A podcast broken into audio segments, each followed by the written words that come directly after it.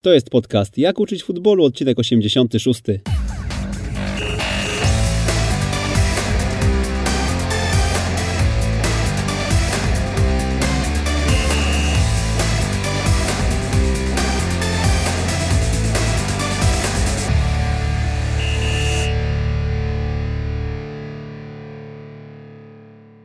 Jak uczyć futbolu, odcinek 86. Przy mikrofonie Przemysław Mamczak. Dzień dobry, witam Was serdecznie. Jakiś czas temu napisał do mnie e, kolega jeszcze z pracy w Olimpiku Wrocław, e, Damian Klich, e, trener, który mm, śledził nasze audycje i zapytał o to, czy nie mamy w planach e, porozmawiać o poszczególnych kategoriach wiekowych i tym, na co w nich e, warto zwracać uwagę, żeby troszkę e, bardziej skupić się na tym poziomie szkolenia najmłodszych dzieci. No i mamy taki zamiar, mamy taki zamiar i to nie tylko Damian o tym pisał, dziękujemy nie tylko Damianowi, ale i innym osobom, które wspominały, że taki odcinek byłby ciekawy. Oczywiście zdajemy sobie sprawę, że nie dla wszystkich, ale mm, no pewnie dla większości jednak słuchaczy, my często skupiamy się na inspiracji, na tym, żeby porozmawiać z trenerami z poziomu ekstraklasy, e, z tymi, którzy osiągnęli e, w piłce mm, seniorskiej już jakieś sukcesy.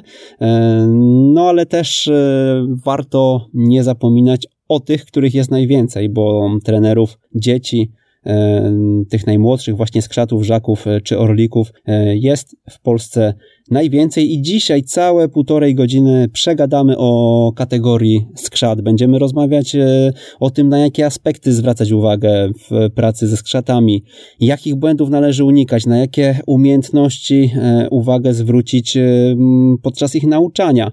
No i będziemy sobie na ten temat dyskutowali z pięcioma trenerami rozrzuconymi po całej Polsce nie chcemy powielać tego, co się pojawia w publikacjach Polskiego Związku Piłki Nożnej, dlatego ja tak e, w bardzo szybkim skrócie omówię e, może mm, z czym to się je.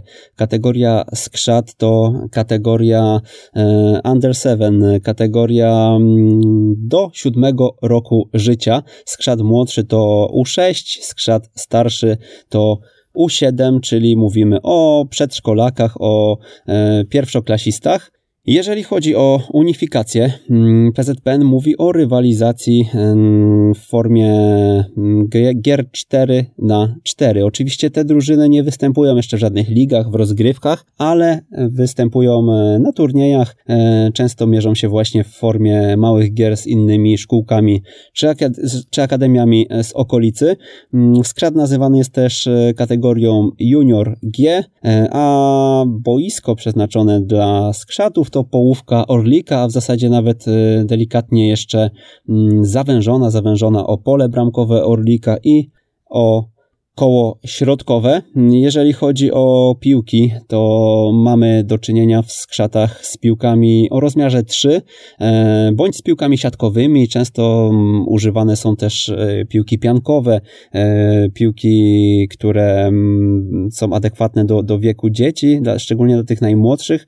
Oczywiście to jest etap wszechstronnego rozwoju ruchowego i zapoznanie się nawet z perspektywy koordynacji z różnymi rozmiarami piłek, z różnymi ich e, materiałami, ich wykonania jest e, bardzo wskazane, ale o tym myślę, że będą rozmawiać e, i mówić nasi dzisiejsi goście. Jeżeli chodzi o podział treści szkoleniowych, Struktura jednostki według PZPN-u, ja się odnoszę tutaj do programu szkolenia PZPN w oparciu o program szkolenia Akademii Młodych Orłów. 15 minut części wstępnej rozpoczyna jednostkę treningową, dalej mamy 15 minut e, pierwszej części głównej, 25 minut drugiej części głównej, można to nazwać jako taka główna część główna, e, a na koniec 5 e, minut w części końcowej. Jakie treści wchodzą w skład poszczególnych części, przeczytacie sobie w programie. My ten program zalinkujemy, tak jak Narodowy Model Gry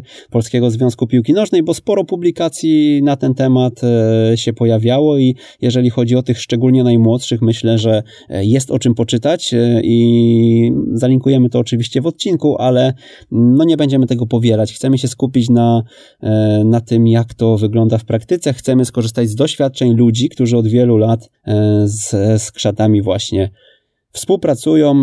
W programie przeczytacie też o etapizacji procesu szkolenia. Mm, bardzo dużo informacji się znajdzie właśnie w tej publikacji, więc warto się odnieść, jeśli, jeśli, jeśli nie mieliście jeszcze okazji.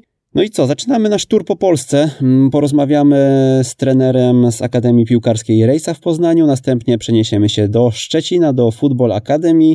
E, będzie też e, Wrocław i AP Sport, e, AP Profi Sport Duda, a tam mm, założyciel tej akademii, mm, AP Szczecinek i na koniec z poziomu grassroots zajrzymy też na poziom profesjonalny, mianowicie do Akademii RKS-u Raków e, Częstochowa. No to cóż, zaczynamy nasz e, szybki tour, e, no i skupimy się w nim, mam nadzieję, na konkretach. Liczymy oczywiście, liczymy na to, że nasi rozmówcy dadzą jak najwięcej mięsa, które, które będzie tutaj przydatne zarówno dla Was, którzy, tych ludzi, którzy nas słuchają, jak i dla Waszych zawodników, bo wierzymy, że też przeniesiecie te informacje później na boisko.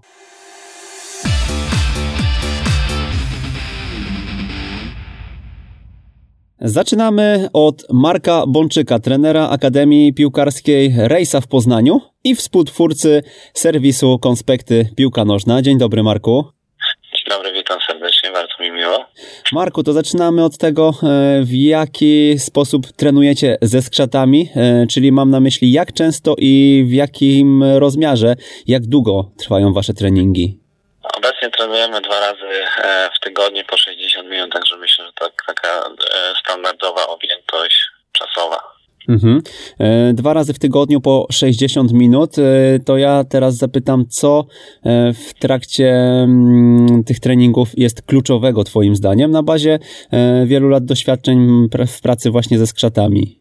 Znaczy przede wszystkim opieramy, patrzymy przede wszystkim na, na to, jak zawodnicy prowadzą piłkę, czyli skupiamy się na elemencie technicznym prowadzenia piłki. No dalej wychodzimy do gry jeden na jeden, to jest bardzo ważny element. No jakby na końcu pozostaje nam ta gra e, swobodna, gdzie e, w zależności od zaawansowania grupy, no to tutaj z czasem możemy więcej ingerować, no ale na początku jakby tej ingerencji trenera jest, jest coraz, coraz mniej. E, no dobrze, co jeszcze byś, byś powiedział odnośnie takich kluczowych aspektów w pracy ze skrzatami, gdybyś miał poradzić młodszym trenerom po fachu?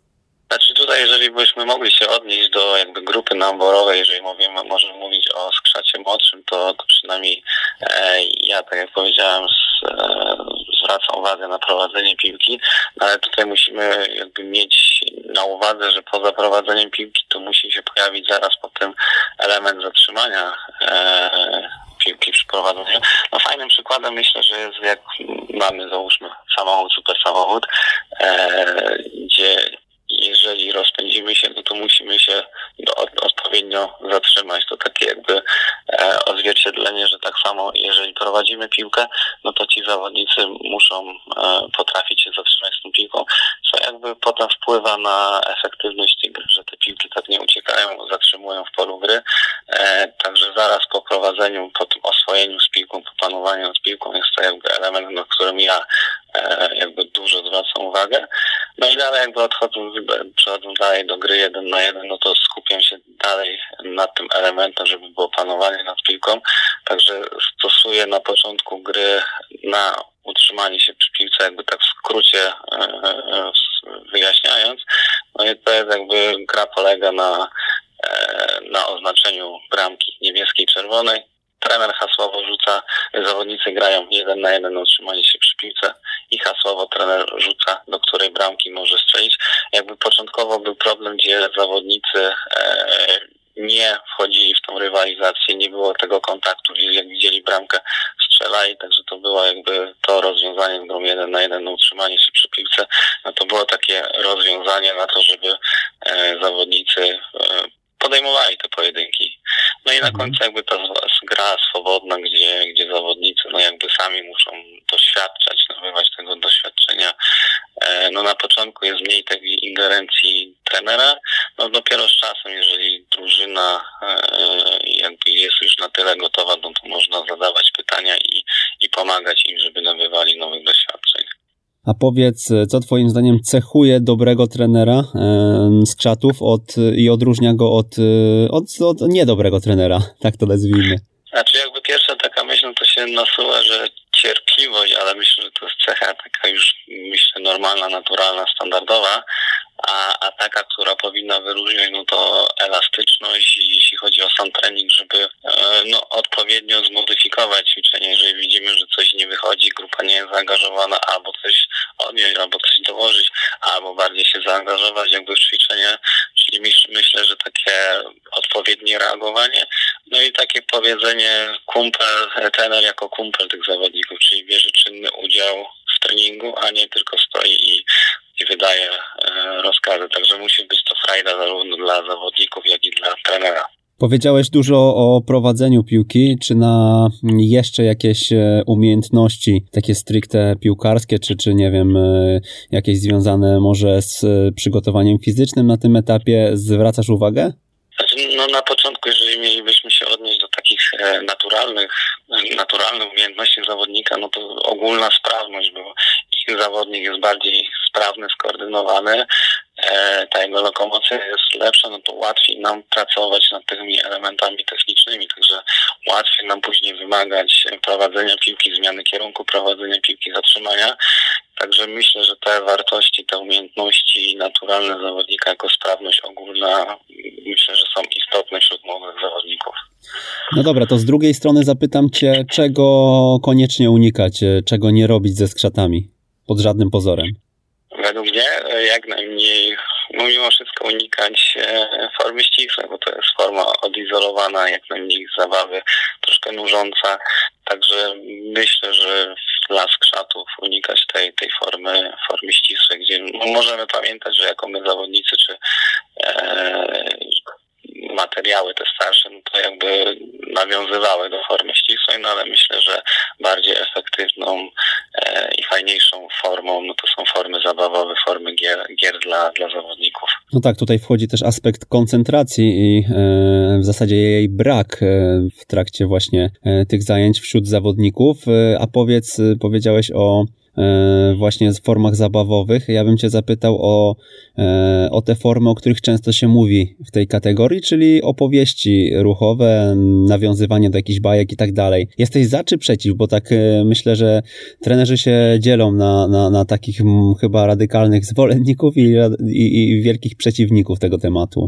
No, zgadza się, ale tutaj jakby odpowiem, że to zależy. Jeżeli mamy grupę naborową, gdzie zaczynamy, myślę, że e, należy stosować, przynajmniej ja stosuję jakby swojego doświadczenia, bo to jest łatwiej dotrzeć, natomiast gdzieś jakby z czasem troszkę mniej się już e, tego używa ponieważ grupa już nie potrzebuje. No ja tutaj mam jakby przykład e, z praktyki, gdzie zawodnicy, już nie pamiętam, czy to Bezkrzat, czy później Żak, no ale powiedzieli już wprost, że oni potrzebują już opowieści, że chcą, chcą grać w piłkę. Także dla mnie, dla trenera to była jasna informacja, no, że już tego nie muszę stosować.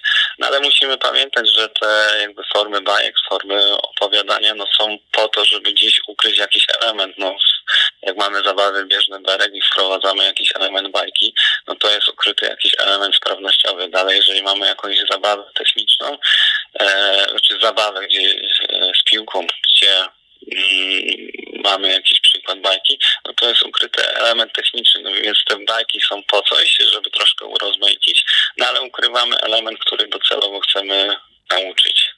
Także ja na początku e, w grupach naborowych e, stosuję, w tych bardziej wyselekcjonowanych czasem jakby już omijam te elementy.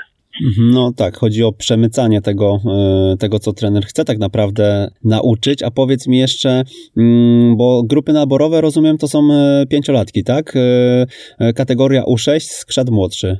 Tak, tak, możemy przyjąć, że to są grupy mhm. naborowe, czyli skrzat młodszy, no jakby później e, mamy możliwość tych, tych grup e, wyselekcjonowania, jak można powiedzieć, do skrzata starszego. I wtedy już, już I w którym momencie można... powiedz, mhm, w którym momencie powiedz, e, mm, zawodnicy sami ci powiedzieli, że kończymy z tymi bajeczkami, bierzemy się za futbol? E, dokładnie ci nie powiem, czy to było jakby jaki moment, ale to jakby e, to, co jakby nawiązujesz do umiejętności trenera, elastyczność, no trener musi jakby obserwować grupę, czy to już jest ten moment, gdzie możemy pominąć te bajeczki i i przejść do tej gry, nie tracić czasu na opowiadania. Czyli to jakby zależy od, od grupy, od zaawansowania, o, także elastyczność trenera o tym decyduje i obserwacja grupy. Jakąś e, radę jeszcze na koniec byś e, dla trenerów z krzatów zostawił? No, żeby się bawić treningiem przede wszystkim razem e, z zawodnikami, żeby być na zasadzie trener-kumpel. Także to jakby na, najlepiej wychodzi wtedy trening, kiedy trener jest zadowolony, zawodnicy są zadowoleni, gdzie jest e, dużo radości, dużo uśmiechu i myślę, że tak w skrócie. Musi być śmiesznie i przy tym gdzieś przemycać te elementy e, techniczne. Powinniśmy się bawić tym treningiem razem z zawodnikami. Marek Bączyk, Akademia Piłkarska Rejsa Poznań. Dziękujemy bardzo.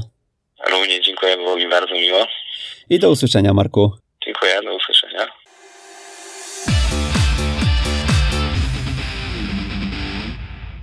A z Poznania przenosimy się szybciutko do Szczecina, gdzie porozmawiamy z Piotrem Lewandowskim, trenerem Football Academy i osobą zaangażowaną w projekt Przedszkoliada. Dzień dobry Piotrze.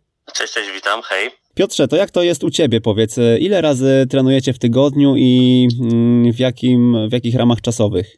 W Football Academy akurat pracujemy w systemie dwóch treningów tygodniowo i są one po półtorej godziny. Jednakże zależnie od tego, bo rozmawiamy tutaj o skrzatach, czy jest to U5, U6, U7 oraz tego na jakim poziomie są, na jakim poziomie zaawansowania są dzieci, uważam, że powinniśmy ten czas korygować, bo te półtorej godziny jak najbardziej będzie odpowiednie dla tych najstarszych i najbardziej zaawansowanych. Im to z zupełności wystarczy i dadzą radę, poradzą sobie w tym, w tym czasie, ale dla tych młodszych zdecydowanie będzie to E, za długo.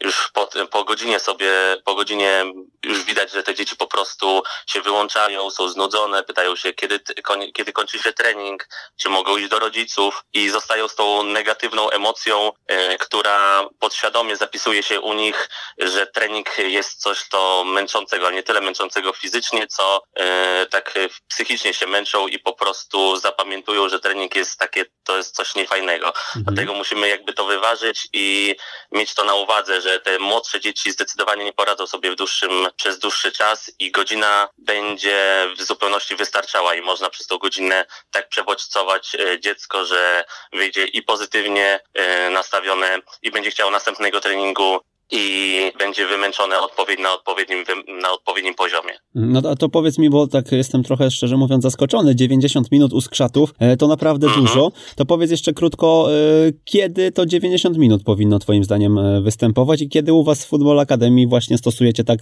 długi trening u skrzatów?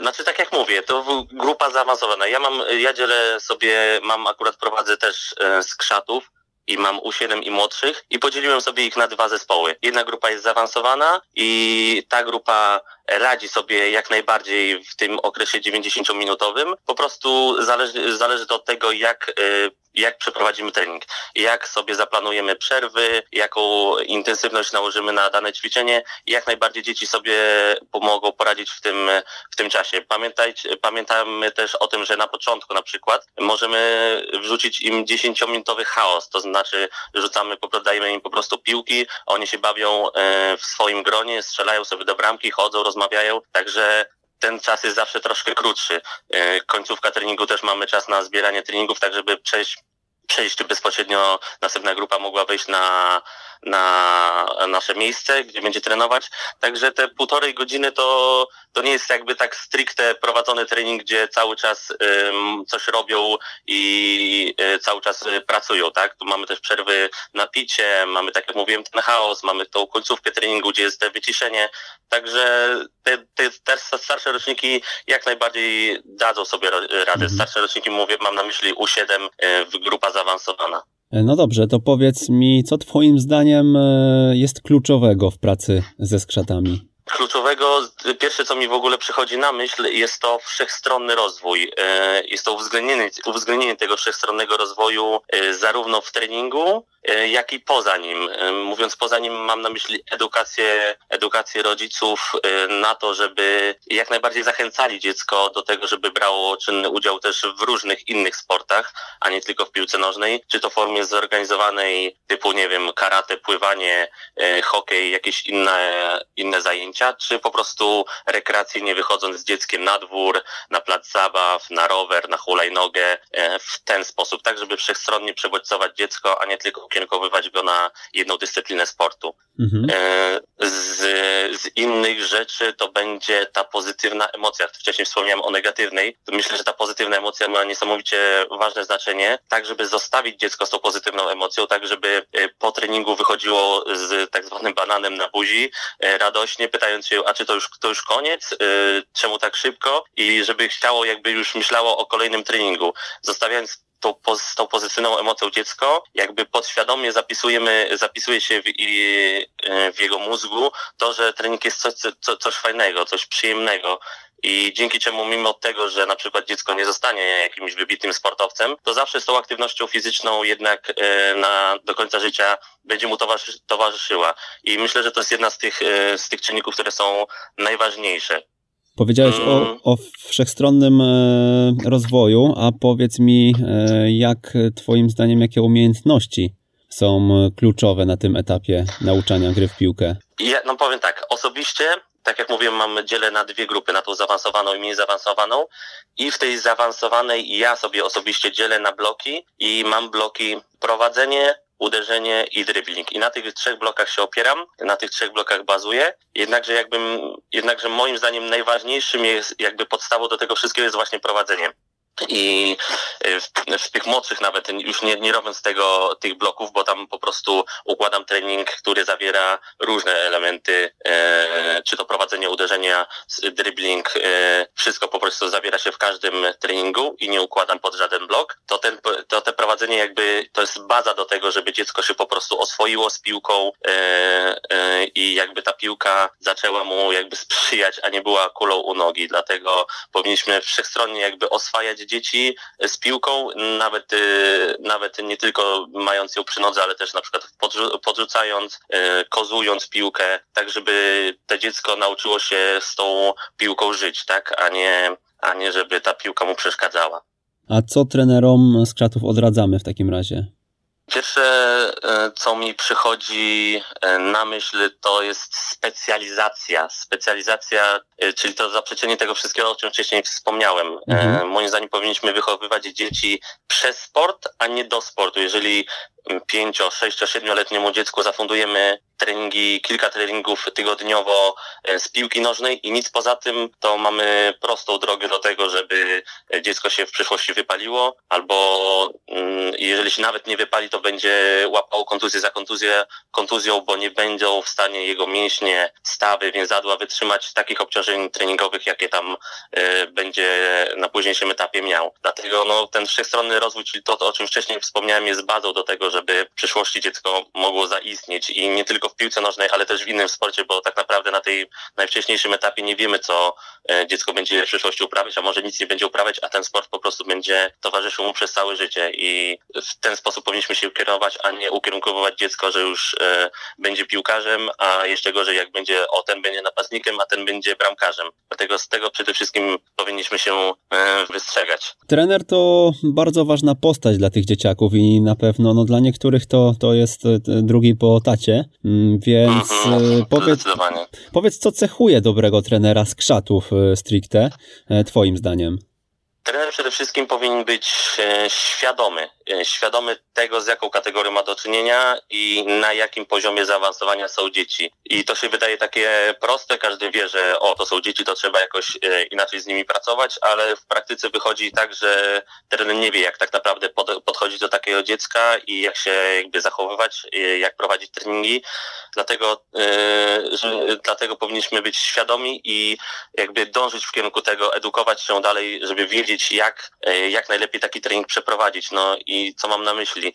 E, w skrócie oczywiście mówiąc, Moim zdaniem jakby trener powinien jednocześnie stać się autorytetem dla dziecka, jednocześnie właśnie wcielić się w ten autorytet, a jednocześnie potrafić zejść do tego poziomu dziecka, powygłupiać się z nim, pobawić, pośmiać, tak żeby jakby nawiązać bliską relację z dzieckiem, e, nawiązać e, stosunki przyjacielskie z nim, bo wiadomo, że dzieci są wpatrzone w nas i e, no, muszą tą relację czuć, a nie być po prostu, nie możemy być po prostu sztywniakiem tak zwanym, który stoi stoi, tylko wydaje rozkazy dzieciom, bo to do niczego nie doprowadzi. I no musimy to przede wszystkim mieć na uwadze. Jakbym miał tak powiedzieć wprost, jakie to by były cechy, no to, no to wiadomo, takie bycie pogodnym, to co mówiłem, uśmiechniętym, takim luźnym trenerem, ale też potrafiącym cielać się w różne role, właśnie w rolę żartownicza, żeby na luzie można sobie pożartować e, z dziećmi, powygłupiać się, ale też w rolę takiego wychowawcy, który jednak nauczy, poprowadzi, ukierunkuje w jakimś, e, e, na jakiejś drodze rozwoju dziecka. Także no, rola to jakby trenera jest szeroka, no i musimy mieć to na uwadze, że to nie jest taka prosta sprawa i do dzieci trzeba podchodzić zawsze inaczej, wiedzieć kiedy, kiedy jak się zachować. Powiedziałeś o wcielaniu się w rolę, a co ze ze wcielaniem się w rolę superbohatera. E, co ty sądzisz na ten temat? E, bo e, wiele osób radzi właśnie, żeby przez opowieści ruchowe pracować ze skrzatami i przenosić je na boiska piłkarskie, no ale jest tylu zwolenników, co przeciwników, ja mam wrażenie. Tak, e, dużo się o tym słyszy. Ja osobiście jak najbardziej jestem za, sam stosuję takie formy, ale w wyważony i przemyślany sposób. E, tak jak mówiłem wcześniej, mam dwie, e, mam dwie grupy i na przykład w tej starszej, w starszej od początku sezonu powoli jakby od tego odchodziłem, bo wiedziałem i widziałem to, to, że po prostu te dzieci tego nie potrzebują. Te dzieci były na takim poziomie, że i na takim poziomie świadomości, że po prostu sami zaczęli, zaczęło ich bardziej interesować gra jeden na jeden, czy różne inne formy rywalizacji e, i ta opowieść ruchowa w zupełności nie była im potrzebna.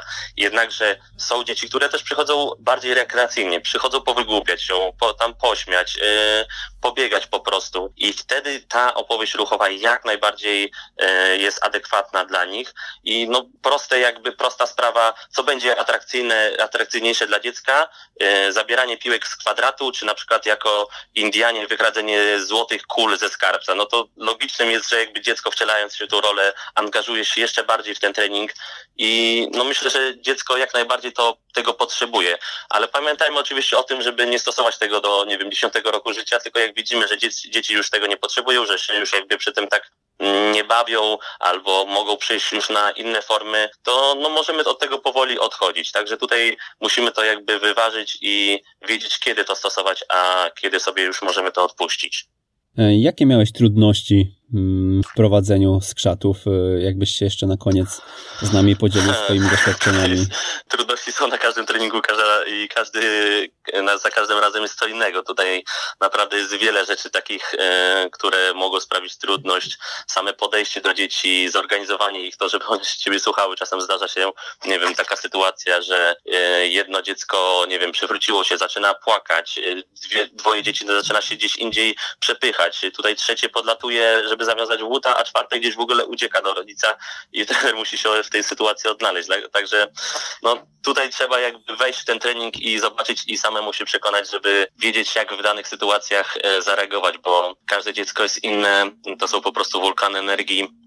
Mogę, może ci przyjść zmęczony, w złym humorze, nie będzie to z tobą współpracować, także tutaj po prostu trzeba wziąć głęboki wdech, cztery tony cierpliwości i, i wtedy dopiero możemy wchodzić na trening, bo każdy trening będzie inny i nie możemy zakładać, że, że to, co sobie zaplanowaliśmy nam wyjdzie, bo, bo, bo, tak, bo tak na pewno nie będzie. Dużo treści tutaj powtarza się z tym, o czym mówił Marek e, z Akademii Piłkarskiej Rejsa, e, no ale chyba no to musi wybrzmieć, bo pewnie wiele tutaj aspektów się będzie powtarzało, ale jest też kilka e, rzeczy, na które zwróciłeś uwagę, których Marek nie poruszył, więc mhm. no myślę, że to, to no, była bardzo też... się cieszę, bo, bo myślę, że część trenerów jakby wyznaje podobną filozofię i idzie w jednym kierunku. No nie mówię, że to jest idealny kierunek, no każdy ma swoje jakby podstawy podstawy do tego, żeby robić to, a nie co innego i no, możemy się tutaj dyskutować. Ważne, że jakby oddawać się tym dzieciom i dawać im to, co, to, co one potrzebują. Każdy trener ma swoją grupę, widzi, co, e, co ta grupa potrzebuje, czego nie, no i mam nadzieję, że w tym kierunku wszyscy, wszyscy trenerzy jakby dążymy. Piotr Lewandowski, dziękujemy. Dziękuję uprzejmie, dziękuję. I przenosimy się e, do kolejnych rozmów.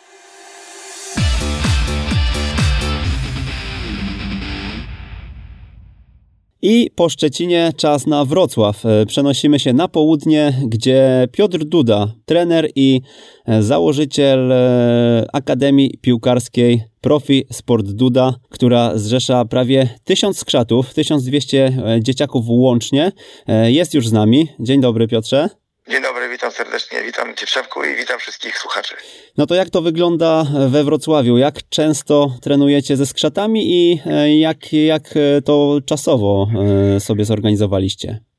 Kategoria skrzat jest dla nas, jako dla Akademii, taką kluczową kategorią, gdzie mogę śmiało powiedzieć, że po 10 latach pracy z dziećmi mamy w tym roku dziesięciolecie wyspecjalizowaliśmy się w tej kategorii wiekowej. Niemniej jednak oczywiście pracujemy z częścią dzieci e, w kategoriach. E, najstarszą w naszym, naszej akademii jest, jest tramkarz.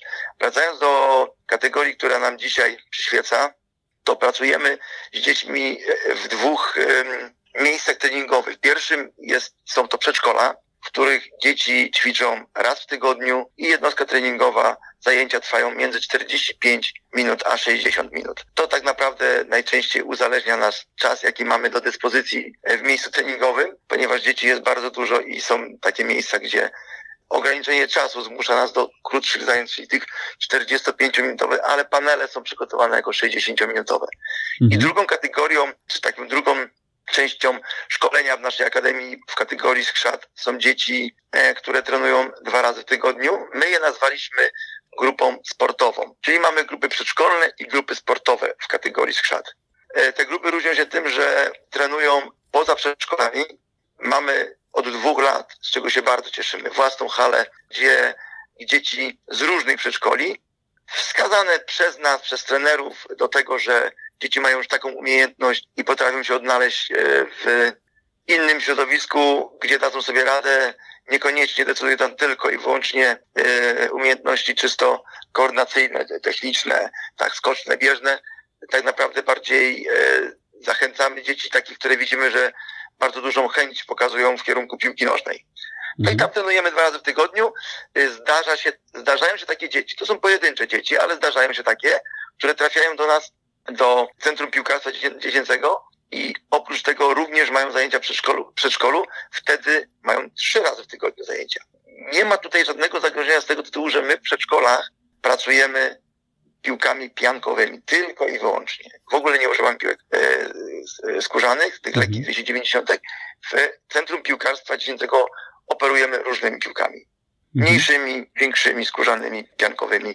I tutaj pozwala nam to na zachowanie takiej równowagi, żeby te dzieci e, nie miały przeciążeń i nie doprowadzać do jakichś mikrourazów, które by były no, spowodowane na przykład nadmierną ilością zajęć. Mhm. Zaraz wrócimy do tej części piłkarskiej. Ja Ciebie zapytam trochę inaczej. Zacznę tą rozmowę od e, poprzednich, e, bo Ty zatrudniasz też trenerów, e, tak. więc skoro większość z Twoich podopiecznych później ma prowadzić grupy skrzatów, to na co zwracasz szczególnie uwagę? Czym taki trener się musi cechować, żeby być dobrym opiekunem dla tych grup? No przede, przede wszystkim to ja chciałbym bardzo, żebym dożył takich czasów, jeszcze nie dożyłem, aby ze skrzatami pracowali trenerzy z dużym doświadczeniem. Trenerzy, którzy czują, jak grupa funkcjonuje i z jakim człowiekiem, małym człowiekiem e, trener ma do czynienia, bo to jest kluczowe w prowadzeniu zajęć, żeby wiedzieć dokładnie, co my możemy zrobić z tymi zawodnikami. Więc tak naprawdę zwracam uwagę u trenera, super jak to jest pasjonat, niestety nie zawsze tak jest i, i tutaj nie ma co czarować. Świetnie by to było, gdyby to był e, trener e, z dużym doświadczeniem. Nie zawsze tak jest. Tutaj też e, z sytuacją trenerską na rynku jest dzisiaj bardzo trudno, ale tak naprawdę zwracam uwagę przede wszystkim na to, czy sprawia mu to przyjemność. Czyli ta praca trenerska sprawia, czy będzie mu sprawiać przyjemność z grupami i każdy trener, który trafia do mnie na początku rozpoczyna pracę z trenerami, którzy już pracują i takiego trenera obserwujemy i niekoniecznie trwa to długo. Czasami to trwa dwa tygodnie, czasami to trwa to miesiąc, czasami trzy miesiące. E, jeżeli widzimy, że taki trener, no widać, że chce, ale nie, niekoniecznie jeszcze potrafi, to staramy mu się tą naszą inspirację prze, przedstawiać, pokazać mu, jak my pracujemy, żeby mógł nabyć tych umiejętności. Niemniej jednak no nie zawsze ci trenerzy e, spełniają takie stuprocentowe oczekiwania. Dla mnie idealny trener, idealny To jest pasjonat, który umie zdiagnozować dzieci, z którymi ma do czynienia, żeby mógł dla nich zrobić zajęcia optymalne. Nie takie, że napisał konspekt, bo dzisiaj dostępność do konspektu jest ogromna. Taki, który będzie miał konspekt oczywiście, będzie wiedział, e, co przygotował sobie dla dzieci, ale będzie umiał dla tych dzieci to przekazać w sposób dla tych dzieci, tych na tym treningu optymalnie. I to jest najtrudniejsze z takimi dziećmi. No właśnie, forma przekazu to jest e, ciekawe zagadnienie, które już też poruszaliśmy dzisiaj. E, jak ty się odnosisz do mm, przenoszenia bajek na boisko?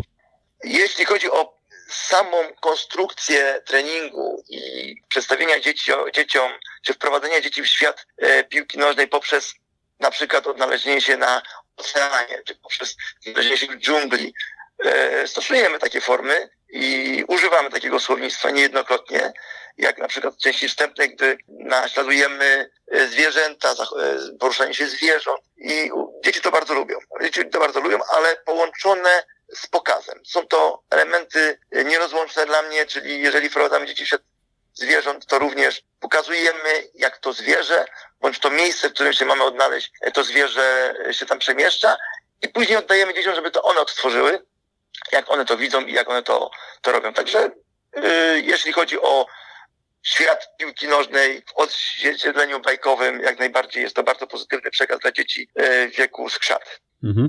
E, po, tej, po tej dekadzie już doświadczeń pracy ze skrzatami, jakie kluczowe e, wskazówki dałbyś trenerom, którzy nas słuchają i którzy właśnie mają wśród swoich podopiecznych skrzaty?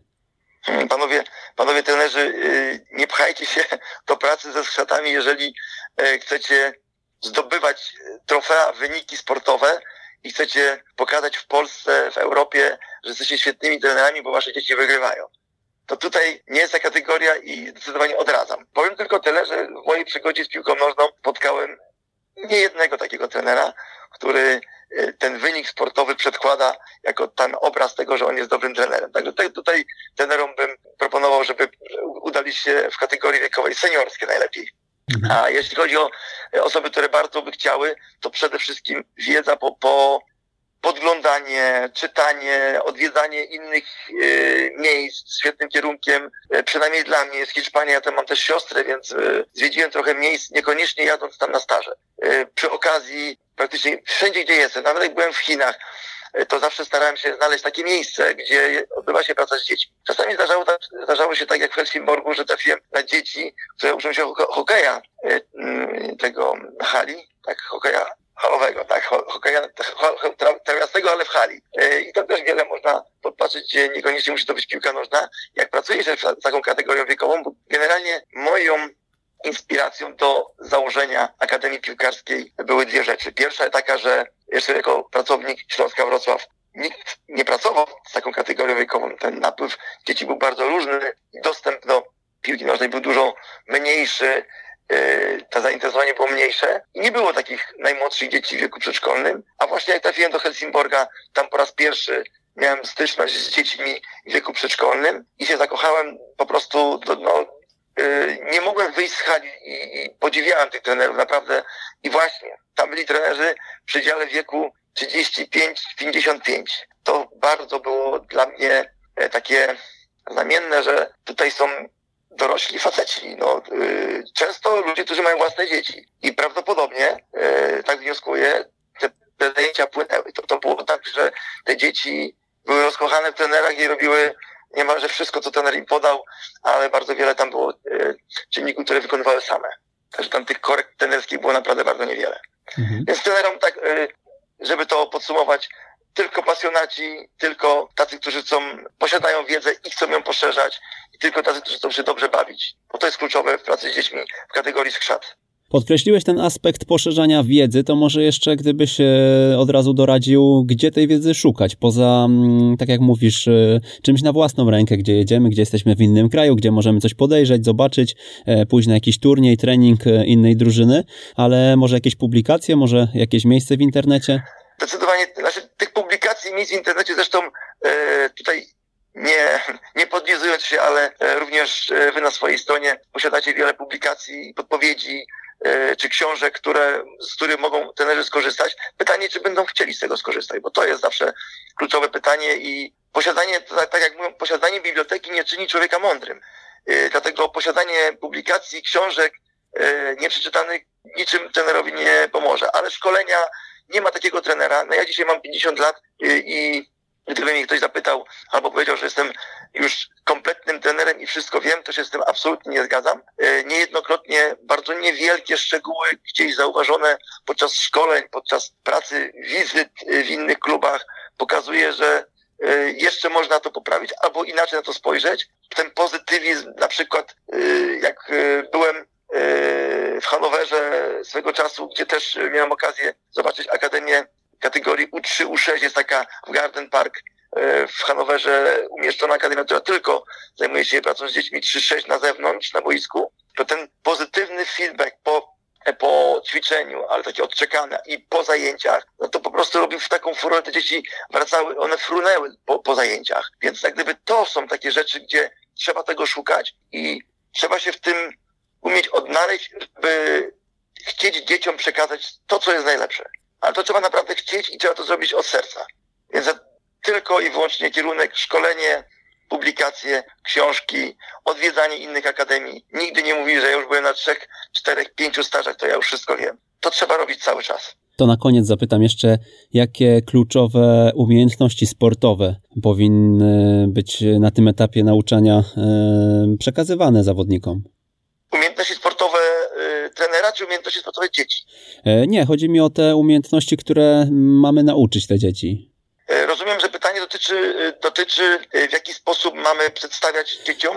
Chłopaki, czy... chłopaki wcześniej mówili nam między innymi o prowadzeniu piłki, tak, o przejściu później tak, do, tak. do rywalizacji w driblingu Dokładnie. już, prawda? To tutaj pewnie Ameryki, to tutaj pewnie Ameryki nie odkryje. My zwracamy uwagę dla nas dzieci, my je tak kategoryzujemy, no nie my, w sensie ja oczywiście odnoszę się do naszej akademii, ale kategoryzujemy dzieci jako dzieci uzdrowione ruchowo. Jeśli y, widzimy y, dziecko, które y, bardzo się wyróżnia na tle innych dzieci szybkością, zwinnością, taką orientacją, czyli jeżeli potrafi bardzo szybko odnaleźć piłkę, gdzie wymieniamy piłki, żeby się zamienili piłkami, czy sposobem prowadzenia właśnie piłki, to ta koordynacja i wzrokowo-ruchowa jest rozwinięta taka wrodzona i to od razu widać, to się bardzo rzuca w oczy. Stąd e, to, co powiedziałem wcześniej, dopasowanie zajęć do dzieci jest kluczowe, ponieważ jeżeli mamy do czynienia z takimi dziećmi, to z nimi możemy przeprowadzić zupełnie inne, nazwijmy to trudniejsze zadania, bo oni to nawet, oni tego nawet potrzebują i tego chcą. Ale jeżeli mamy dzieci, które są na etapie obserwowania, co ta piłka robi, po prostu się toczy, no to tutaj z pewnością potrzeba jest dużo więcej e, dokładnego pokazu on jest zawsze potrzebny, ale tutaj dokładnego pokazu i cierpliwości dla dziecka, aby chciało to wykonać i zrobiło to z radością, żeby się nie zniechęciło, bo my oczekujemy, że to zrobi za trzecim razem. Czasami zrobi to za pięćdziesiątym razem w jakimś, e, jakiejś części bardziej sprawnie i tutaj kluczowe jest to, aby, aby być cierpliwym w tym, jak dzieci wykonują te elementy techniczne. Piotr Duda, Akademia Piłkarska Profi Sport Duda. Dziękujemy serdecznie. Dziękuję za zaproszenie. Pozdrawiam Was wszystkich serdecznie. I my również pozdrawiamy i pędzimy do kolejnych rozmów. Trzymajcie się zdrowo.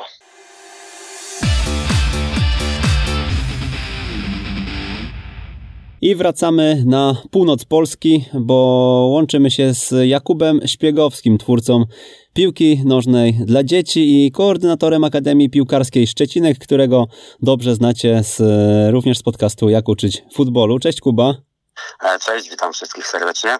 Znowu się słyszymy, niestety znowu nie widzimy się osobiście, ale e, może do trzech razy sztuka. Dokładnie tak, mam nadzieję, że niebawem też osobiście się zobaczymy. Kuba, powiedz jak wygląda to w Szczecinku, jeżeli chodzi o ilość treningów w tygodniu i jak długo one trwają, jeżeli chodzi o kategorię skrzat oczywiście. Skrzat. Skrzaty u nas trenują dwa razy w tygodniu, dwa treningi mają tygodniowo i trenują po 60 minut zazwyczaj do 75 minut maksymalnie. Mhm, czyli standard. Powiedz e, standard. zatem, jakie są kluczowe aspekty w e, pracy z nimi, bo ty e, no, skupiłeś się chyba na tej pracy z najmłodszymi i myślę, że masz też dużo doświadczeń, które fajnie tutaj będziesz w stanie dzisiaj przekazać. E, tak, tak, to prawda. Ja się skupiłem e, na pracy z najmłodszymi i też wielu trenerów, którzy pracują u nas w akademii, przychodzili na początek do mnie, asystowali mi, pomagali, uczyli się tej pracy z najmłodszymi i dzięki temu teraz w klubie mamy kilku specjalistów od pracy e, z dziećmi i mamy naprawdę silną obsadę trenerską. I właśnie to jest ten jeden z kluczowych aspektów w pracy ze skrzatami, czyli postać, sama osoba osoba trenera, która ma zupełnie inną rolę do spełnienia niż trener w starszych kategoriach wiekowych, w seniorach. Tutaj liczy się nauka, wychowanie tych zawodników, więc pierwszy kluczowy aspekt to jest trener z głową na karku, który wie co robi i wie jak pracować z dziećmi. Drugi kluczowy aspekt w, w pracy ze skrzatami to myślę, że jest wszechstronny rozwój i o tym zawsze powinniśmy pamiętać, że to nie tylko piłka nożna, ale także wszechstronny ruch, ruch e, wychowanie tych e, zawodników, e, rozwój sfery mentalnej, psychiki zawodników, funkcjonowania w społeczeństwie, po prostu wszechstronny rozwój na wielu, wielu aspekt, w wielu, wielu aspektach. No i też trzeci kluczowy aspekt, który tutaj bym wymienił, to fakt, żeby to były treningi, żeby to był rozwój bez dziwnej presji, bez chorej presji, bez niczego na siłę. Czasem może się zdarzyć, że dziecko jeszcze nie jest gotowe, rozwija się w różnym tempie, trzeba chwilę poczekać, może wrócić do treningu za pół roku, może za rok.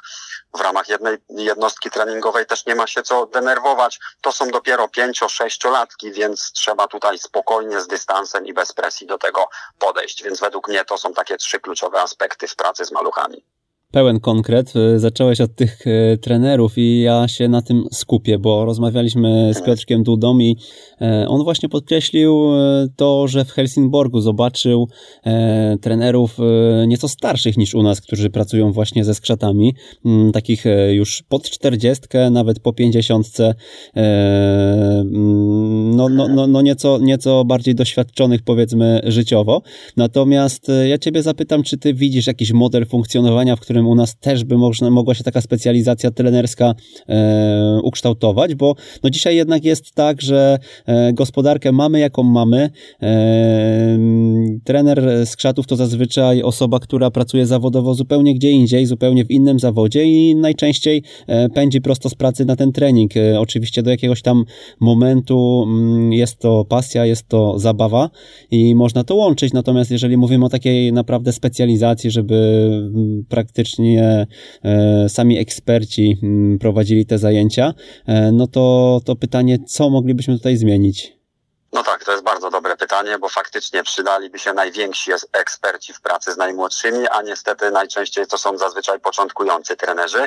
Natomiast to nic złego też, bo to według mnie bardziej zależy od człowieka, od tego, jaką jesteś osobą, e, jak chcesz się tego uczyć, jaką masz pasję do tego i czy ty masz 20 lat i jesteś początkujący, czy ty masz 50 lat i pracujesz w zawodzie 20 lat, to dla mnie jest jak gdyby na drugim planie. To tak naprawdę dla mnie najważniejsze są predyspozycje predyspozycje człowieka i, i to, jak on potrafi pracować z dziećmi. Też ważnym aspektem może być to na przykład, jak ktoś ma już swoje dzieci, bo poznaje takie rzeczy, o których nie ma pojęcia, mówiąc szczerze.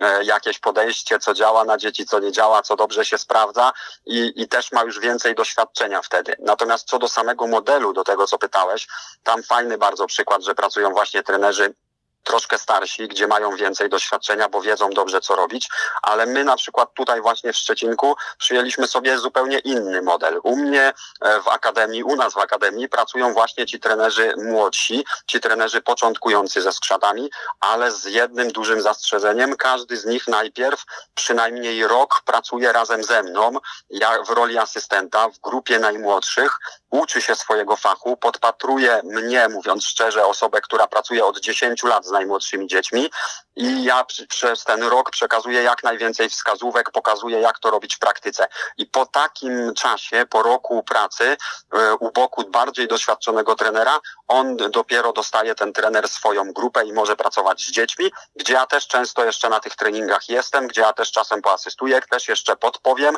Zresztą to się też dzieje w pierwszym roku, też daję trenerowi poprowadzić prowadzić własne jednostki i daję mu informację zwrotną, co tam można było poprawić, co było super, czym mnie zaskoczył, bo ja też wiele się uczę od tych początkujących trenerów, bo wprowadzają coś świeżego do treningu, nowe rzeczy, więc to jest taki model, który wydaje mi się, że też może działać i przy naszej ekonomicznej sytuacji i przy naszej tutaj specyfice treningów pracy z najmłodszymi w Polsce, wydaje mi się to dobrym modelem. Przez rok praca z bardziej doświadczonym trenerem, super wzorzec, e, nabrać doświadczenia i wtedy praca pod odpowiednim kątem z maluchami.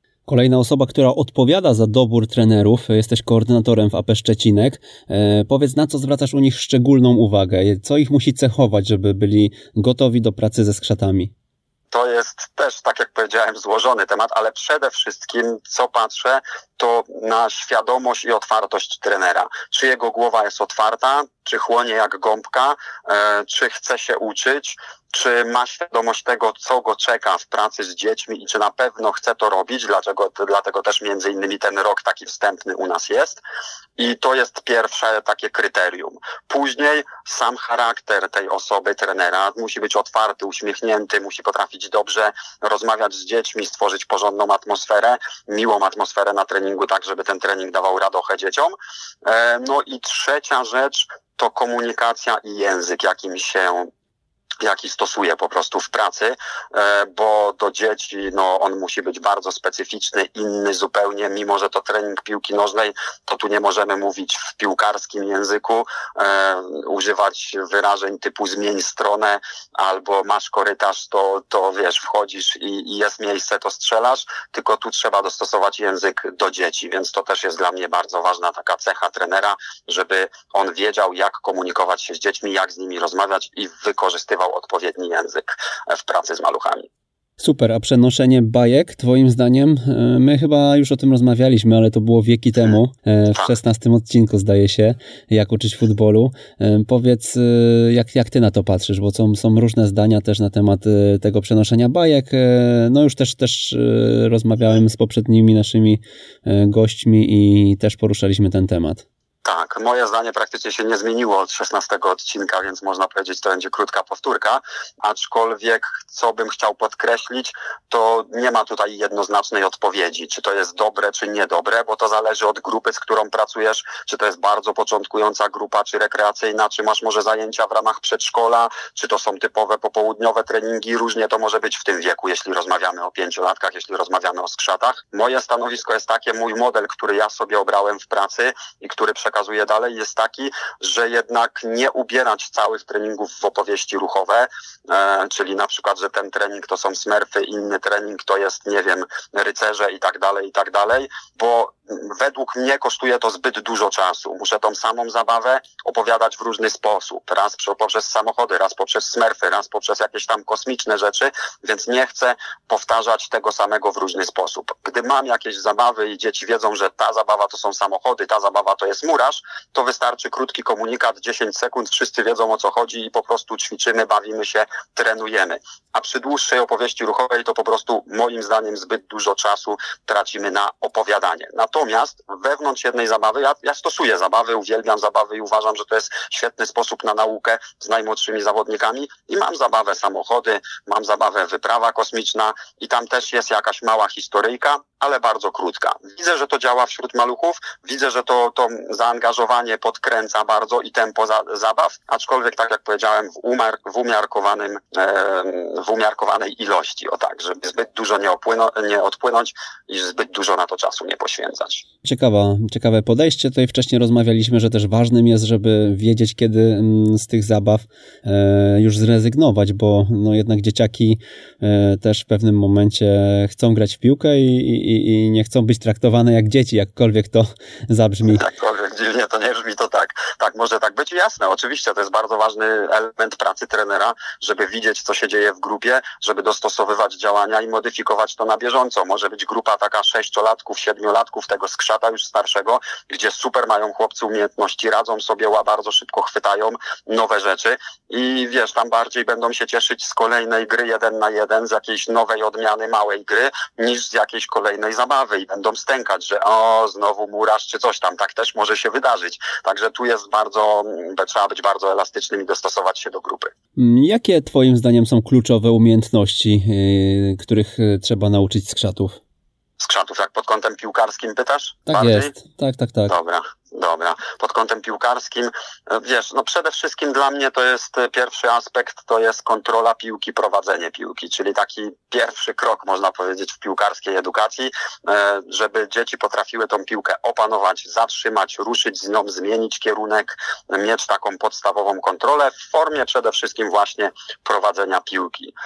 To pierwsza rzecz. Druga rzecz, no to jeden na jeden dribbling. Ja już jak ty, tak szybko jak się da, to w grupach skrzatów wprowadzam grę jeden na jeden. Nie od samego początku, jak przyjdzie świeży pięciolatek, nie w pierwszym miesiącu, drugim czy trzecim, bo tam chcę zbudować podstawę właśnie na podst o kontroli piłki i z prowadzeniem piłki, ale jak widzę, że grupa sobie fajnie radzi, to od razu nawet po trzech miesiącach, czterech miesiącach już robimy więcej gier jeden na jeden, a no już grup starszy, e, skrzat starszy, drugi, drugi rok pracy, no to bardzo dużo gry jeden na jeden, więc ten dribbling to jest ten drugi aspekt, druga umiejętność.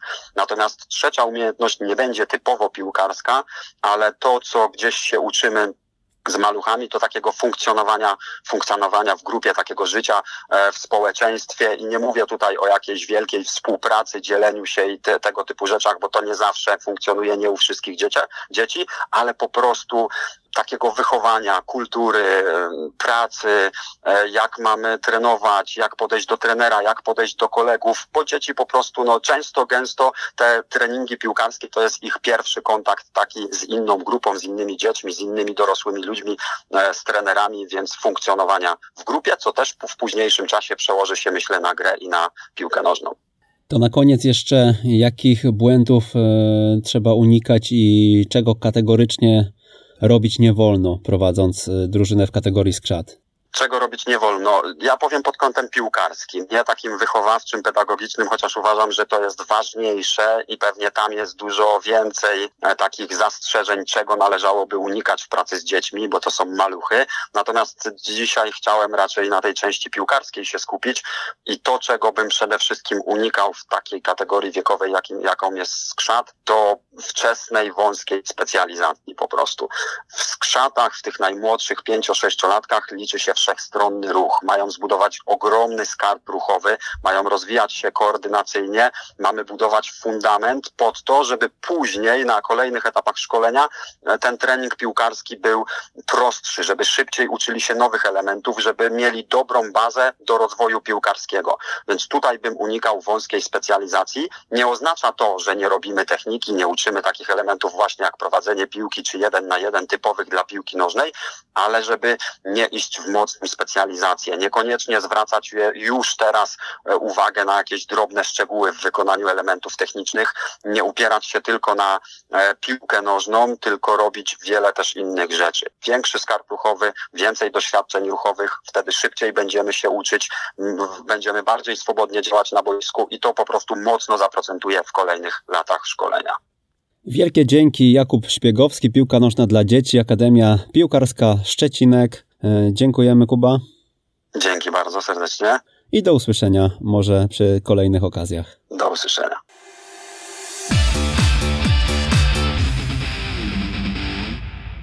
I na koniec naszej podróży po Polsce e, przenosimy się z poziomu grassroots na poziom profesjonalny, bo do Akademii RKS Raków Częstochowa, gdzie porozmawiamy z trenerem Markiem Wolańskim, trenerem i koordynatorem grup skrzat w tejże Akademii. Dzień dobry, trenerze. Dzień dobry. Trenerze, no to zaczynamy od tego, jak u Was e, wygląda to e, pod kątem jednostek treningowych, bo e, rozmawialiśmy sobie tutaj z, z trenerami, którzy pracują po dwa razy w tygodniu, zazwyczaj po godzinę. Jak to wygląda w Rakowie? Podejrzewam, że, że tak samo jak, jak w innych, w innych akademiach, dwa razy w tygodniu trenujemy właśnie po, po jednej godzinie. Soboty mamy jeszcze spotkania takie ala sparingowe, spotykamy się e, w grupach takich swoich ćwiczebnych i między, między tymi swoimi dziećmi e, rywalizujemy. Ale też zapraszamy grupy inne z innych, z innych e, akademii co jakiś czas i, i, i patrzymy, na jakim mhm. poziomie jesteśmy technicznym. Mhm. E, ale tu muszę zaznaczyć, że nie wiem jak w innych, w innych akademiach, ale nasze grupy ćwiczebne tych, tych e, maluszków e, liczą tylko 12, 12 tych adeptów naszych piłkarskich. I do nich jest przystosowanych dwóch trenerów, trener główny i trener pomagający. I, i ta liczebność grupy nie zmienia się nigdy. Jest 12, jeżeli jest więcej, chętnych, tworzymy następną grupę, następną i tak dalej. Tak to u nas wygląda. Mhm. Trenerze, ja pamiętam nasz staż e, z Pawłem w Rakowie. E, pamiętam, że no my co prawda byliśmy głównie przy drużynie U16 u Filipa Raczkowskiego i, e, tak. i też przy pierwszym zespole, natomiast pamiętam, że wszyscy trenerzy mówili, że, żebyśmy zajrzeli też do tych skrzatów, bo tam jest trener stworzony do tego. I tak jak pan powiedział, od wielu lat już pan pracuje ze skrzatami. Co powinno cechować dobrego trenera skrzatów Pana zdaniem? No ja myślę, że kluczowym takim aspektem pracy y, z maluszkami jest pasja. Pasja no, do, do pracy bardzo, bardzo uważam ciężkiej i odpowiedzialnej. No, należy, należy stworzyć atmosferę na treningu i, i, i tutaj E, może się pochwalę, ja do tego się nadaję. Mhm. E, przede wszystkim e, na treningu dobry pokaz i objaśnienie ćwiczenia. Prosty język, nie, nieskomplikowany. Nie używajmy skomplikowanego języka, a nie daj Boże żargonu piłkarskiego, bo to się młodym trenerom wyrywa. Pokaż się jakieś takie, jeżeli mu coś takiego coś takiego do dzieci dotrze, no, no to można to wytłumaczyć ewentualnie pokazem. No bo czasami się wyrwie takie słowo, i, ale należy uważać, uważać bardzo na, na słownictwo. E, I następnym takim, takim kluczowym aspektem to jest no, cierpliwość. Jeżeli nie ma cierpliwości, nie ma pracy z dziećmi. E, konsekwencja konsekwencja w pracy, no tutaj bardzo, bardzo służy y, celom, jakie sobie zakładamy. I przede wszystkim ja uważam, że żeby nie ulegać y, presji wyniku sportowego, to nasz dyrektor właśnie wpaja tym młodym nauczycielom, y, trenerom, że, że nie można, nie można tego wyniku robić za wszelką cenę. To są dzieci, mają się spokojnie rozwijać. No i tutaj może wtrącę dwa kamyczki dla, do rodziców. No to właśnie z rodzicami jest jakiś tam, przynajmniej nie u nas, ale zaobserwowałem w innych akademiach, że absolutnie presja rodzica nie, nie wpływa na, na poziom naszej pracy.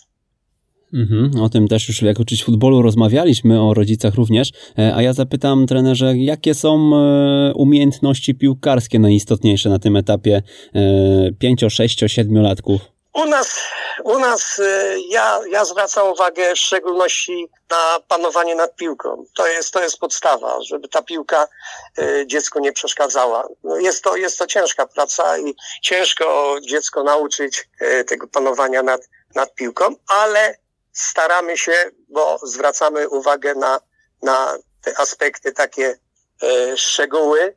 Jest nas niekiedy przy mojej grupie trzech trenerów i zwracamy uwagę na, na każdy błąd, dlatego dzieci robią bardzo, bardzo szybko postępy, z czego, z czego bardzo, bardzo się cieszę. I prowadzenie y, piłki też z, z, różnymi akcentami, odpowiednie tempo, ochrona piłki, ochrona no to jest, jest no, podstawa w naszej, w naszej egzystencji piłkarskiej.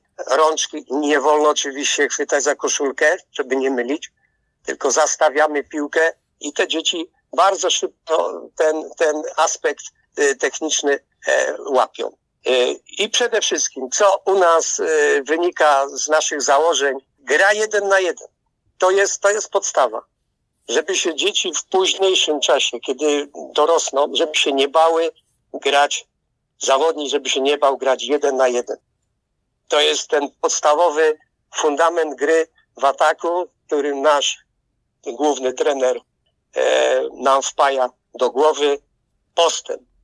Czyli po stracie, atakujemy, po stracie piłki natychmiast odbiór piłki e, przeciwnikowi. Nie ma obrony, Mamy atakować. Cały czas atak, atak, atak. Mhm. A trenerze, mm, jak się, jak zapatrujecie się na opowieści ruchowe, na przenoszenie bajek na boisko, bo rozmawiałem już z czterema e, trenerami dzisiaj i, i, i no, pytanie, jak to e, wygląda w Akademii Profesjonalnej, bo jednak e, wy jesteście troszkę na innym pułapie, prawda? Zgadza się, ale ja jestem bardzo otwarty na nowości, na, czytam dużo, i, i trening oparty na opowieściach ruchowych u nas też jest, też jest wplatany y, w ten pierwszy, pierwszy y, aspekt y, części wstępnej, gdzie dziecko, dziecko patrząc na, na trenera pokazuje e, świat gier i zabaw ruchowych. Dziecko ciela się z dowolną postać, naśladuje. I to właśnie o to, o to chodzi, żeby, żeby fantazja tych dzieci nie miała granic i, i na tym bazujemy. I są, są treningi, y, nie wiem, czy, czy pan redaktor oglądał tych naszych maluchów, ale latające samoloty, samochody, dla nich to jest coś niesamowitego. Ruch, jeszcze raz ruch, a jeszcze rozwijający ruch. Ja jestem za. Ten trening, ten trening zawsze jest splatany rozgrzewkę. Mhm. To jeszcze zapytam e, na bazie lat doświadczeń, e, z jakimi trudnościami się pan spotkał w pracy ze skrzatami, jak sobie z nimi pan radził? No, trudności e, na pewno, na pewno są, ale, ale mm, ja uważam, że, że po tylu latach pracy to, to te trudności dla mnie nie stanowią jakichś tam problemów. No trzeba naprawdę pamiętać o tym, żeby, y, żeby y, dziecka nie skrzywdzić. Czyli do niego być otwartym, cały czas dużo mówić i być jego przyjacielem, a przede wszystkim pedagogiem, wychowawcą i, i, i, i, i e, nauczycielem. Jeżeli, jeżeli są jakieś minimalne problemy z dzieckiem, to, to nie z dzieckiem, tylko z rodzicami. I tutaj znów kamyczek do, ale dajemy radę, nie ma, nie ma żadnych niesnasek. Rodzice wiedzą, podpisują regulamin, wiedzą, co mogą, a co nie mogą i stosują się do tego. To jeszcze na koniec zapytam, z jakimi radami e, dla trenerów e, zostawiłby Pan młodszych kolegów po fachu? Ja, ja jedną radę, jeżeli mówię mogę, radzić e, młodym trenerom, to mam jedną, e, że najpierw, żeby wytrenować dziecko, to musimy je wychować. I najpierw wychowujemy, a później nauczamy. I nigdy odwrotnie. To jest podstawa, podstawa w mojej pracy, że ja nową grupę najpierw wychowuję. Oczywiście bardzo, bardzo e, fajnie, z kontaktem miłym, ale po wychowaniu następuje dopiero nauczanie. Inaczej nie, nie damy rady. Musimy, musimy, i to jest, to jest rada, to jest rada dla, dla młodych trenerów. Myślę, że oni o tym wiedzą, no, ale niekiedy im to ucieka. I to jest idealna puenta tej naszej podróży po Polsce. E, trener Marek Wolański, Raków Częstochowa, dziękujemy bardzo. Dziękuję.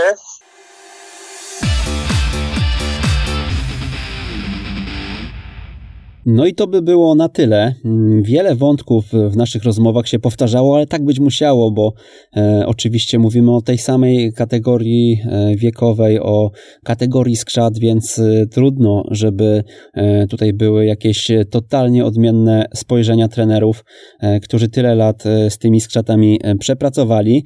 Mm, ja tak sobie notowałem na boku mm, to, o czym najczęściej mówili moi rozmówcy dzisiaj. No i wynotowałem sobie cztery kwestie, żeby podsumować ten odcinek. Myślę, że to jest dobry moment na to. Prowadzenie piłki. Prowadzenie piłki jako podstawowa umiejętność e, piłkarska zawodników. To się przewijało w każdej praktycznie rozmowie. Mm, następnie z tego prowadzenia przejście do dryblingu, do małych gier oczywiście. E, natomiast ta kontrola piłki, opanowanie tej piłki, e, panowanie nad piłką to no coś, co przez wszystkie przypadki odmieniali nasi trenerzy. Mm, Warto o tym oczywiście pamiętać. Warto też zwrócić uwagę na formy zabawowe. Natomiast jeżeli chodzi o opowieści ruchowe, o które też każdego starałem się zapytać, bo wiem, że wiele osób ma z tym problem. Zresztą ja pamiętam swoje początki w kategorii Orlik i też mi nie do końca leżała mm, ta zabawa, to przebieranie się za super bohaterów e, i no nie do końca byłem do tego nigdy przekonany, ale fakt faktem, że ja też nigdy chyba nie byłem stworzony do pracy z takimi e, sześcio czy siedmiolatkami, a tym bardziej młodszymi dziećmi, e, a jednak zawsze szedłem w te starsze roczniki, więc ważne, żebyście sobie też odpowiedzieli, jakie są wasze cele i co wy chcecie zrobić w tej trenerce, w pracy jako szkoleniowcy. Opowieści ruchowe, mm, jak widać, nasi doświadczeni rozmówcy jak najbardziej aplikują do swoich jednostek treningowych. Natomiast no, trzeba pamiętać, że mówimy tutaj o sześciolatkach, czy siedmiolatkach, czy pięciolatkach, prawda? E, a nie o dziesięcio-jedenastolatkach, bo często to mam wrażenie jest mylone. E, w pewnym momencie, tak jak, jak, jak rozmawialiśmy, mm, dzieciak może powiedzieć, e, no nie jestem już dzieckiem, żebyś mi tutaj bajkami cały czas e, trening trening e, opowiadał i przekazywał. Ja chcę trenować grę w piłkę nożną, bo, e, bo chcę być piłkarzem i na to trzeba zwrócić uwagę, żeby nie przegiąć i za długo tych e, opowieści nie stosować, ale kiedy dzieci są bardzo młode, kiedy są jeszcze małe, warto je w ten sposób mm, zainteresować, bo zdolność do koncentracji w ich przypadku jest jednak bardzo niska. No i tak jak powiedział e, któryś z rozmówców, no później, e, później kiedy, kiedy już e, nastąpi taki moment i trener wyczuje, że, że, że już tych opowieści, przez które przemycaliśmy odpowiednie umiejętności piłkarskie, że już jest na nie za późno, warto spasować i, i, i odpuścić. E, kolejny punkt na mojej liście to wszechstronny rozwój. Oczywiście mówimy jasne i głośne nie specjalizacji i temu, żeby zamknąć się tylko i wyłącznie na piłkę nożną, temu, e, żeby nie daj Boże wykonywać jakieś ćwiczenia e, jeszcze siłowe z obciążeniami zewnętrznymi. Mm, no tutaj ten wszechstronny rozwój, którego my jako E, mówię o sobie, mówię o osobach e, w moim wieku, o osobach, które też nas pewnie słuchają. E, doświadczyliśmy jeszcze na podwórkach, które był naturalnym, naturalną częścią naszych dni. Dzisiaj trzeba go troszkę sztucznie wykreować, no ale to już jest zadanie nasze trenerów. Jeżeli chodzi o punkt czwarty, to wyniki. Wyniki i trofea to nie miejsce w kategorii skrzat, nie ma na to miejsca, tak? E, nie ulegajmy presji wyników, nie dążmy do tego, żeby te trofea zdobywać, e, one są bezwartościowe na tym poziomie, a mogą bardzo e, źle wpłynąć na nas i przez to na nasz zespół, na wychowanie naszych zawodników. Tego nie wynotowałem, ale przypomniało mi się jeszcze to, o czym trener Marek na końcu powiedział. Najpierw wychowanie, a później, a później uczymy gry w piłkę. Budujące jest to, że mamy takich spe specjalistów w tej dziedzinie, bo my sobie porozmawialiśmy przecież z osobami, których nie znacie z pierwszych stron gazet, e, które pracują e, bardziej lokalnie, które e, oczywiście wykonują solidną, świetną pracę na co dzień, natomiast, natomiast które mm, nie celują w ekstraklasę, a skupiają się właśnie na pracy z tymi najmłodszymi. Marzy mi się to, żebyśmy dożyli tego w Polsce, żeby jednak e, specjalizacje trenerskie istniały i żeby one były też powiązane w jakiś sposób z odpowiednim wynagrodzeniem, bo to jest e, też istotne i zawsze to będzie mm, jakiś problem dla wielu ludzi i zawsze E, będzie mm, ciężko pogodzić e, pracę, pasję, pracę w roli trenera piłki nożnej po godzinach, popołudniami z pracą zawodową. Być może w, jakiś, e, w jakimś czasie uda nam się dojść do tego, że będzie mm, tych specjalistów w danych dziedzinach szkoleniowych więcej. No i to chyba tyle, jeżeli chodzi o podsumowanie. Dajcie znać, jak Wam się podobała ta dzisiejsza audycja. To jest dla nas troszkę test. Y, omówiliśmy etap y, skrzatów, omówiliśmy kategorię skrzat, ale myślimy, że fajnie byłoby też pójść za ciosem i za jakiś czas y, porozmawiać o kategorii żak, dalej o kategorii orlik, kategorii młodzik, no i później przez trampkarza przejść też do juniorów młodszych czy starszych. Myślę, że trenerów specjalistów w poszczególnych dziedzinach nie zabraknie i na pewno znajdziemy świetne nazwiska. Mm, no jeżeli jeżeli macie jakieś sugestie, to śmiało też piszcie. No a jak się podobało, to za jakiś czas wrócimy z tym wątkiem.